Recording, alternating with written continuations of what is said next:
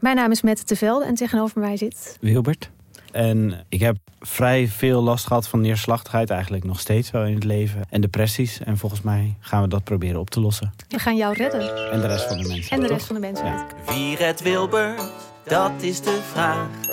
Wie helpt hem bij de kwesties en problemen van vandaag? Luister naar Wie redt Wilbert en de rest van de mensheid. Een podcast van de VPRO voor NPO Luister. Kijk, de Jordaan. Daar ben ik geboren en getogen. De nieuwe Nederlandse musical Onze Jordaan van Diederik Ebbingen is dit najaar in de theaters te zien. Koop nu uw kaarten op onzejordaan.nl. Leuk toch? Hallo, dit is de wekelijkse podcast van de Groene Amsterdammer. Kees van der Bos geniet van een verdiende vakantie. Mijn naam is Bas Mesters en ik mag hem vervangen. Ik weet niet hoe het voor jou zit, maar tot de zomer van 2014 had ik nog nooit gehoord van het woord Jezidi. En toen zagen we ineens die dramatische beelden van een volk dat door IS was verdreven en omsingeld op de berg Sinjar in Noord-Irak zat. Langzaam werd duidelijk dat we hier getuigen waren van een poging tot genocide.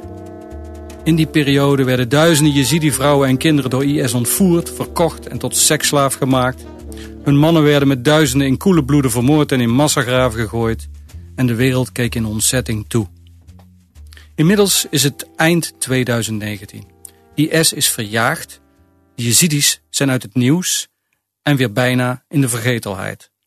Maar de meerderheid van hen is nog steeds niet teruggekeerd naar hun huizen en dorpen. Die zijn er vaak niet meer. En als ze er wel nog zijn, blijken de trauma's bij veel Jezidis veel te groot om er terug te kunnen keren. De Rotterdamse journaliste Brenda Stoter-Boskolo deed dat wel.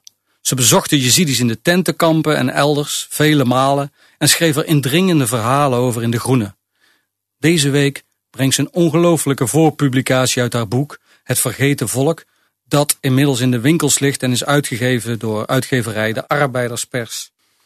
Een boek over alles wat je nooit hoopt mee te maken. En over hoe de mens, die dat wel allemaal moet meemaken, het probeert te doorstaan. Een boek over een volk dat we niet zouden kennen als het niet op zo'n weerzinwekkende wijze zou zijn mishandeld. Welkom, Brenda. Ja, dank je. Tja, bij zo'n heftig onderwerp is het niet makkelijk om een eerste vraag te stellen.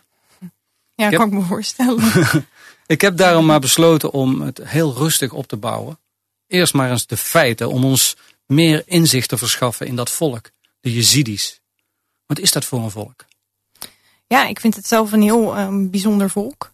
Ehm, in wat betreft eh, ja, hun religie, hun culturele gebruiken. eh, maar ook gewoon hoe ze in het leven staan. Ik vind het een heel sterk volk. Ze zijn al zo vaak het slachtoffer geweest van eh, ja, pogingen tot uitroeiing.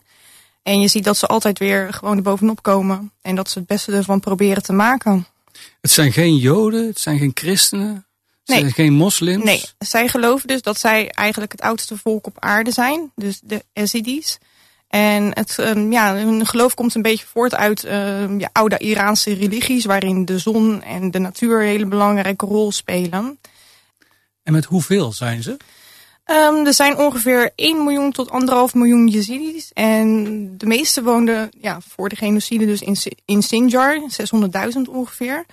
En sindsdien, ja, dus er keren steeds meer mensen naar het buitenland, eh, omdat ze zich niet meer veilig voelen. Dus inmiddels heeft Duitsland ook een gemeenschap van 150.000 Yazidis. En er wonen er al veel in Duitsland hè, voor de genocide. En hier in Nederland wonen ook Jezidis? Ja, ik heb begrepen enkele duizenden, maar er zijn niet echt cijfers van. Dus ehm, dat is- blijft een beetje gissen. En waar komt jouw interesse voor de Jezidis vandaan? Ja, dat, ik volg de Yazidis al lang, omdat ik een van de weinige journalisten ben, denk ik, die ehm, ze voor de genocide al ontmoet had. Al lang? Wat, eh, wanneer? Ja, nou ja, voor mij doen lang, want ik ben sinds 2010 journalist. En in 2013 ben ik met Marielle van is een fotograaf, ehm, ben ik ehm, door de Koerdische delen van Turkije en Irak gereisd. En een collega-journalist had mij verteld van, ja, als je toch naar Irak gaat, dan moet je de Yazidis opzoeken. Dat is een hele bijzondere secte en eh, ze hebben een heel mooi heilig- heiligdom. Misschien kan je dat een keertje opzoeken. Nou ja, een secte vonden we er niet, maar wel gewoon ja, een hele bijzondere gemeenschap. En ehm, ja, ik weet niet of je het lange verhaal wilt of het korter verhaal, maar... Um, laten we even kijken, want uh, jij... Uh, je bent naar het Midden-Oosten gegaan. Waarom? Je, ik begrijp, je hebt uh, Italiaanse bloed in je, uh, Grieks bloed, ja. Nederlands bloed. Ja. Uh, maar je bent een stap verder gegaan. Ja, dat... Je komt uit Rotterdam. Misschien heeft dat mee te maken. Waarom die oriëntatie op het Midden-Oosten? Ja, dat komt eigenlijk door mijn jeugd in Rotterdam-Zuid. Ik ben opgegroeid in een hele multiculturele arbeiderswijk. En ik ging met allerlei, ja, ik had allerlei soorten vriendinnetjes. Eentje kwam uit Syrië, andere kwam uit Turkije, andere uit Marokko. En um, ja, ik keek altijd naar Aladdin, Simbad de Zeeman. vond ik leuk. Dus ik had al heel vroeg interesse in het Midden-Oosten. En ja, toen had ik op een gegeven moment mijn ouders overgehaald om naar Turkije te gaan. Want ik dacht dat dat dan het Midden-Oosten was. Dat is natuurlijk helemaal niet zo. Maar ze hebben wel een beetje die invloeden. En dat, toen was ik 13 en vanaf dat moment was ik eigenlijk helemaal verkocht. En je eerste journalistieke reis? Waar ging je um, Nou, dat was niet echt een journalistieke reis. Want mijn beste vriendin, uh, zelf ook van Marokkaanse afkomst, zij verhuisde naar Egypte. En dat was ergens in 2009. En toen dacht ik van, oh ja, dan, daar kan ik wel uh, gewoon heen. Hartstikke leuk om een keertje naartoe te gaan op vakantie, toch? En toen in 2011, toen was ik daar toevallig ook. En uh, Nee, nee, nee, dat was 2010. En net daarna zou dus de Arabische lente plaatsvinden. Dus ik heb eigenlijk al die tijd heb ik dat meegekregen. Iedere keer als ik dan in Egypte was, dan ging ik weer naar een demonstratie met, met de Egyptische vrienden. Je was op het Tahrir Square. Uh... Ja, daar ben ik wel geweest. Maar ik moet wel eerlijk zeggen, niet op het moment dat dus echt de revolutie begon. Daarna pas. Want op dat moment was ik er niet. En sindsdien ben je dus verslaggever in het Midden-Oosten geworden. Ja. Toen heeft het je gegrepen. Ja, um, een andere vriendin van mij die verhuisde naar Iraks Koerdistan. Beri Shamashi is best wel een bekende filmmaakster. En toen dacht ik, nou laat ik daar ook maar eens een keer heen gaan. En dat was in, ja, dat was in 2012. Uh, en ik moet, ontmoette daar weer iemand uit Syrië. En zo gaat dat eigenlijk een beetje. Dus je leert steeds meer mensen kennen. En denk je, oh dan moet ik ook nog eens een keer daarheen en daarheen. Um, ja. Klinkt allemaal vrolijk en geïnteresseerd. Maar toen kwam je bij de Yazidis. Ja. En um, nou ja, laten we eens even naar een fragment luisteren om je een, als inleiding op wat je eigenlijk gedaan hebt nu ja. met dat boek.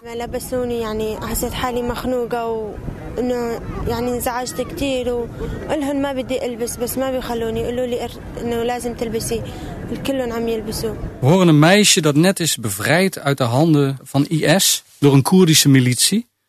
En op het filmpje wat ik uh, gezien heb, daar is ze omringd door vrouwelijke soldaten die haar vermoedelijk hebben bevrijd. En ze verbranden op het filmpje een zwarte boerka. Jij weet wat ze zegt in dit uh, fragment. Ja, ze zegt dat ze gedwongen werd uh, om de niqab dus te dragen. En dat ze al die tijd niet kon ademhalen, omdat die stof heel zwaar is en heel dik.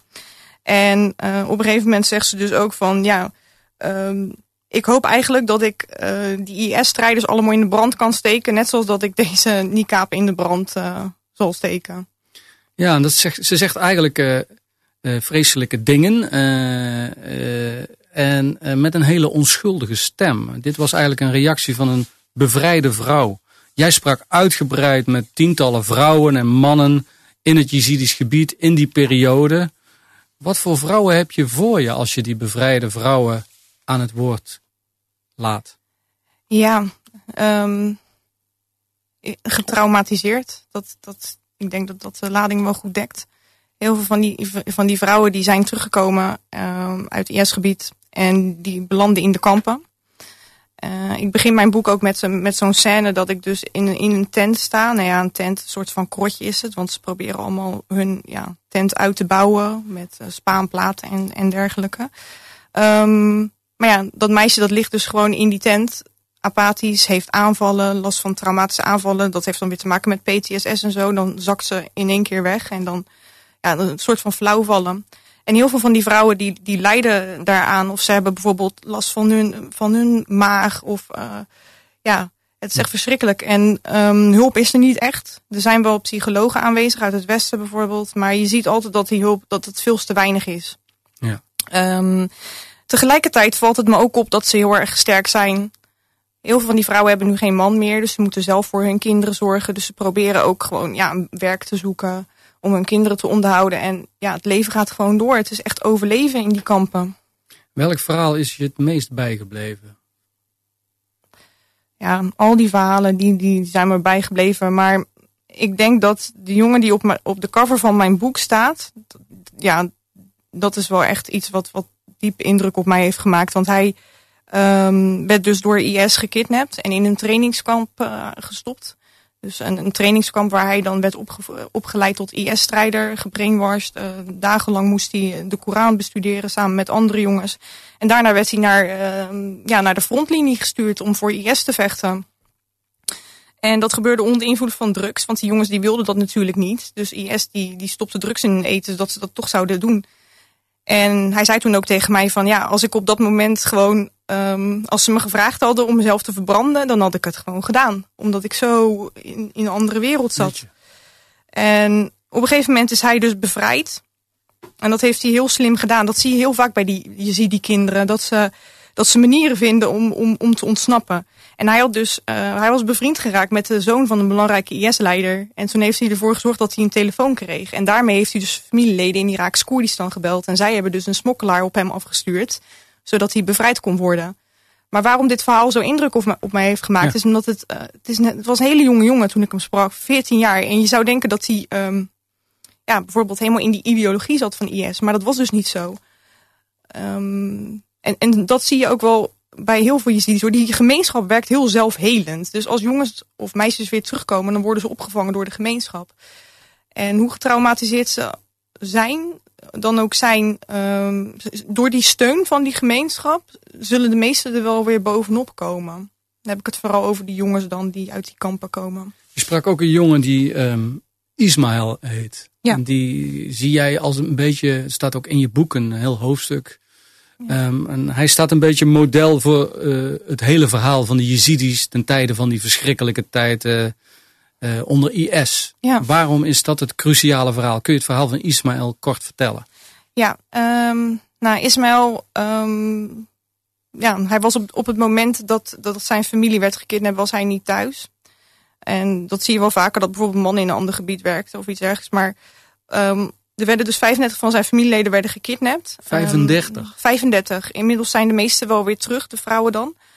Um, maar zijn broers en zijn vader uh, en ook een paar ooms en zo, die werden allemaal in een, die werden ja, massaal uh, vermoord door IS. Dus in een massagraf gedumpt.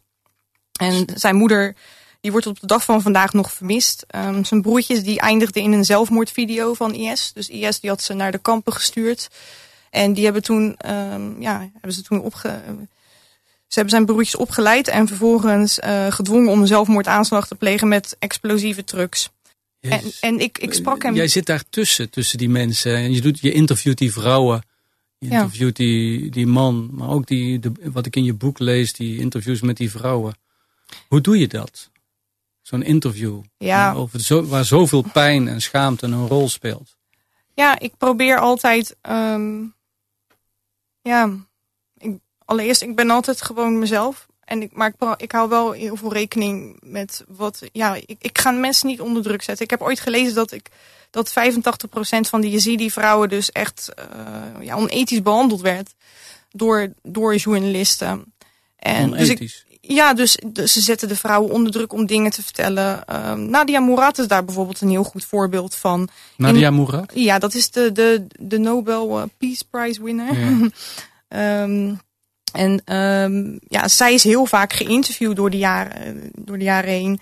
En als je, in die, als je die documentaire van haar ziet, dan zie je dus dat ze dat er constant vragen op haar worden afgevuurd. Oh ja, dus je moeder werd vermoord. En toen werd je verkracht. En toen werd je weer verkocht. En hoe voelde het dan? En ik weet dat je het zwaar vindt om te vertellen, maar wat gebeurde er precies? En je ziet Nadia Mourad zie je helemaal in, mm inkrimpen. Je ziet duidelijk dat ze zich ongemakkelijk voelt. En hoe deed jij dat dan? En ik wilde dat dus absoluut niet doen. Dus ik stelde allereerst geen vragen over de verkrachtingen. Ik, zei altijd, ik ging daar altijd zitten en ik zei...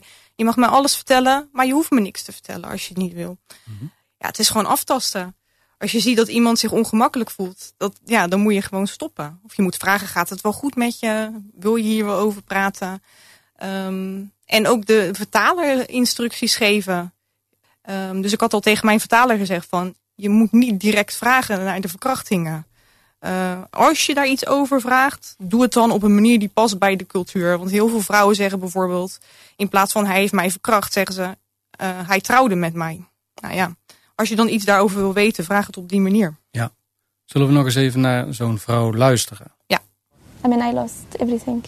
This house is full of, of memories of mine, beautiful things, but not anymore.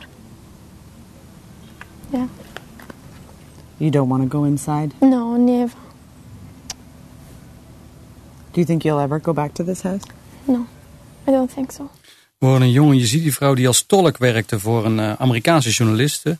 En samen bekijken ze de puinhopen van het huis waar deze vrouw ooit met haar familie woonde. En ze zegt dus dat ze alles kwijt is en nooit meer naar dat huis terug wil. Die terugkeer naar die huizen en dorpen, dat blijkt echt uh, heel moeizaam te zijn of uh, bijna onmogelijk, hè? Ja. Waarom? Ja, er zijn verschillende factoren. Um, allereerst uh, zijn er politieke spanningen. Uh, politieke militaire spanningen. Sinds dat Sinjar bevrijd is van IS is het een soort van hotspot geworden van allerlei milities. En de Koerdische regering die wil het hebben. En de Iraakse regering die wil het ook hebben. Dus die liggen ook met elkaar uh, overhoop van wie dat gebied nou eigenlijk is. Want het ligt in betwist gebied. Dus het is geen veilig gebied? Um, nee, dat Nog ook steeds niet. niet. Nee, dat ook niet. Maar, uh, want er liggen ook overal mijnen. Maar het belangrijkste is wel dat iedereen wil het hebben, maar niemand neemt zijn verantwoordelijkheid. En uh, als gevolg daarvan keren de Yazidis ook niet terug. Want er zou eigenlijk een referendum gehouden moeten worden over wie dat gebied, van wie dat gebied nou is. Maar dat, is nooit ja, dat werd nooit gehouden. Um, een ander uh, probleem is dat heel veel van hun buren, de moslimburen, die hebben zich toen in het geheim bij IS aangesloten. En die hebben dus meegeholpen aan de genocide. Dus Yazidis willen ook niet terugkeren omdat ze bang zijn dat ze dan weer met die buren geconfronteerd worden. Um, nou ja, de wederopbouw, dat, dat, dat komt gewoon, ja, dat komt niet op gang door al dat gezeur wat er rondom Sinjar uh, ja, plaatsvindt. Mm -hmm. Dus Yazidis wonen vijf jaar na de genocide, wonen ze nog altijd in kampen. In tentenkampen in Iraaks Koerdistan. En dat zijn, als ik het uh, goed heb, iets van uh, 350.000 op de dag van vandaag. Ik hoorde ook nog, las in je boek en ook in het verhaal eh, wat nu in de Groene zal verschijnen. Um, dat er ook nog een ander probleem is bij het terugkeren voor veel vrouwen en vooral uh, kinderen. Omdat ze niet meer geaccepteerd worden door het eigen volk. Dus vrouwen die als slaaf aan IS-strijders werden verkocht, verkracht werden, die kregen kinderen. En die kinderen die worden nu bij terugkeer in de Yazidi-gemeenschap niet toegelaten. Nee. Vreselijk. Hoe zit dat? Um, ja, dat is een heel groot probleem binnen de gemeenschap. Want je ziet nu dat er heel veel Yazidi-vrouwen... Nou ja, er wordt gedacht dat er nu heel veel Yazidi-vrouwen bijvoorbeeld in het El Hol-kamp zitten... waar ook de vrouwen van de buitenlandse strijders uh, wonen. En die vrouwen durven niet terug te keren, want zij worden onder druk gezet door de gemeenschap om hun kinderen op te geven. Omdat de Yazidis geloven dat als jij... Je moet eigenlijk... Je bent pas Yazidi als je twee Yazidi-ouders hebt. Dus als één daarvan geen Yazidi is, uh, en het wordt natuurlijk nog moeilijker als je het hebt over kinderen van IS, want dat is gewoon het vijand. Um, dus zij weigeren die kinderen nu te accepteren. Dus die vrouwen worden onder druk gezet om ze op te geven, om ze naar bijvoorbeeld een weeshuis te sturen. Ja, en wat gebeurt er met die kinderen op dit moment? Ja, weeshuizen of um, geadopteerd door um, ja, familie, christelijke families misschien. Niemand weet het echt wat ermee gebeurt. Of ze worden achtergelaten bij de SDF in Syrië. En die zorgen, dat zijn dan uh, ja, de Koerdische strijdgroepen. Um, die zorgen dan voor dat ze dan naar een weeshuis gebracht worden. En, en die, die vrouwen, vrouwen, die zijn terug bij uh, hun man, waar ze eerst waren. Ze zijn dus tussen ja. aanhalingstekens getrouwd geweest met IS-strijders. En hun man, hoe reageert hij op hun vrouwen? Ja, ze zijn dus ja, gedwongen getrouwd, hè? want dat wilden ze ja, natuurlijk ja. zelf niet. Ja, die mannen die accepteren die kinderen niet. Ze, ze, willen, ze zijn wel bereid om een vrouw dan te accepteren. Want de religieuze leiders uh, die hebben besloten toen dat de vrouwen weer welkom zijn in de gemeenschap. Alleen geldt dat niet voor de IS-kinderen. Ja. Uh, zijn die Jezidis, ik bedoel, uh, we hebben de beelden gezien dat ze bevrijd werden. Maar als ik dit zo hoor, zijn ze dan wel bevrijd? Nee, heel veel van die vrouwen die, ja, die hebben daar natuurlijk heel veel moeite mee. Ze kunnen er met niemand over praten. Um, behalve met elkaar. Dus je ziet ook wel dat die vrouwen die dan kinderen hebben ge gekregen van IS-strijders, dat die elkaar een beetje opzoeken. Maar met de gemeenschap zelf, um, eigen familieleden zeggen van je moet je kind maar gewoon vergeten. Ja, hoe kijk je dan tegen, ik bedoel je ging er naartoe in 2013 voor de eerste keer. Hoe, hoe kijk je nu aan tegen zo'n uh, groep die dit heeft meegemaakt en nu ook op deze manier uh, ja, met elkaar omgaat? Ja, het is natuurlijk uh, dubbel leed voor die vrouwen. Want ze hebben al de meest verschrikkelijke dingen meegemaakt. En dan komen ze terug en dan uh, worden ze opgezadeld met extra leed. Ja, ik vind dat verschrikkelijk. En um, ik stond er ook van te kijken hoeveel mensen met mij wilden praten. Van die vrouwen dus.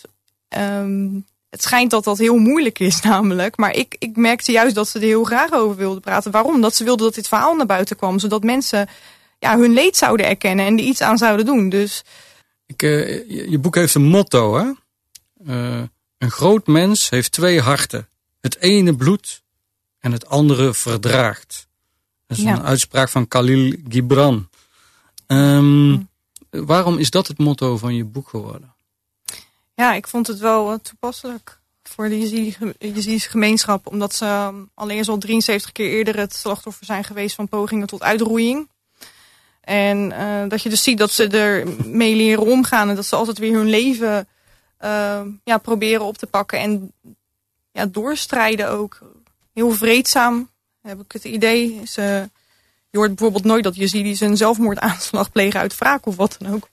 En eh, tegelijkertijd hebben ze heel veel pijn. Dus die verhalen worden wel van generatie op generatie over, eh, ja, overgedragen en verteld. Ehm, daarnaast vond ik het ook, omdat Ismaël zo'n grote rol speelt in mijn boek. Ik denk dat het ook wel voor, voor, voor hem geldt. Dus ik moest ook wel een beetje aan hem denken toen ik dat opschreef. En eh, dat eigenlijk als motto koos. Ja.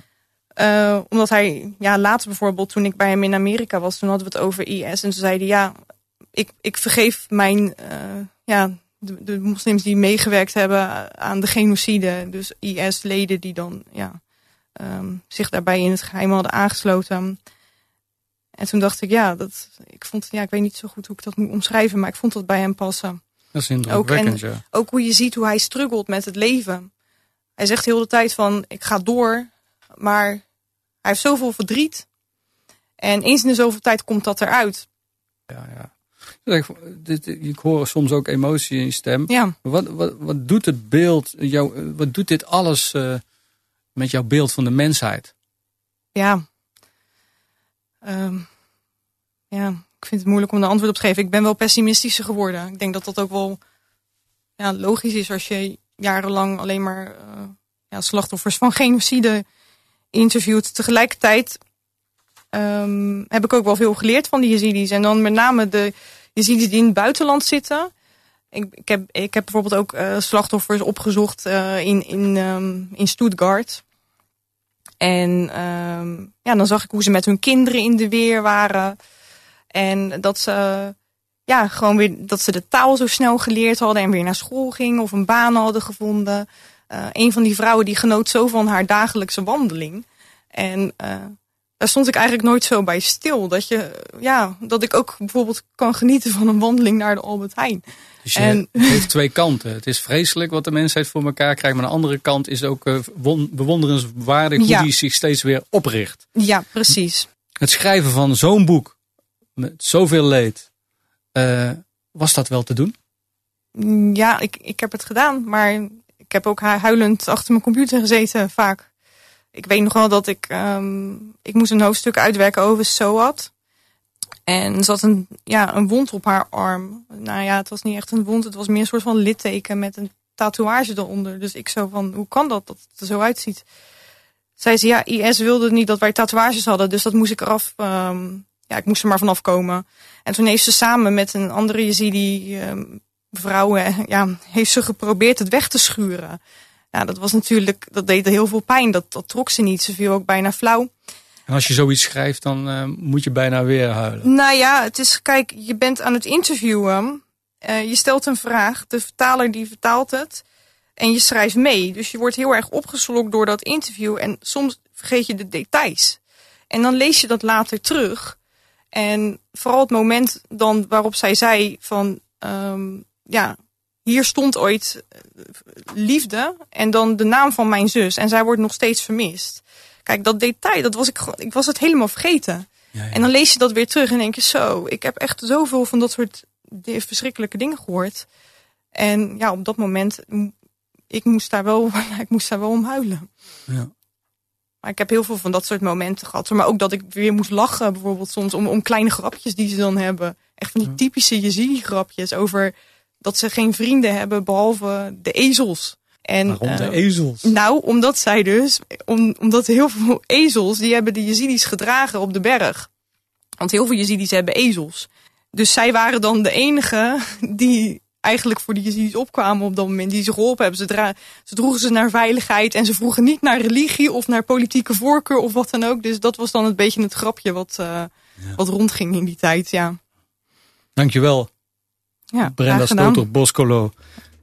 Voor dit gesprek en ook voor het uh, hele indringende boek wat je hebt geschreven. Ja, graag gedaan. Het vergeten volk. Lees deze week in De Groene ook een onderzoek naar een Europees systeem dat illegale geneesmiddelen moet opsporen. Het is duur en omslachtig en lost een probleem op dat niet bestaat. En in dit nummer staat het afscheidsinterview met Marianne Thieme, de leider van de Partij voor de Dieren die volgende week aftreedt. Wilt u een proefabonnement op De Groene? Ga dan naar groene.nl. U krijgt dan 10 weken De Groene voor 15 euro.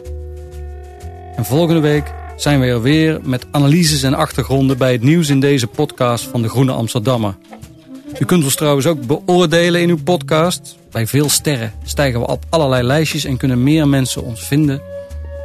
Deze week werd de Groene Podcast gemaakt door Brecht Ruschen en Bas Mesters. De muziek is de Tune for N van Paul van Kemenade.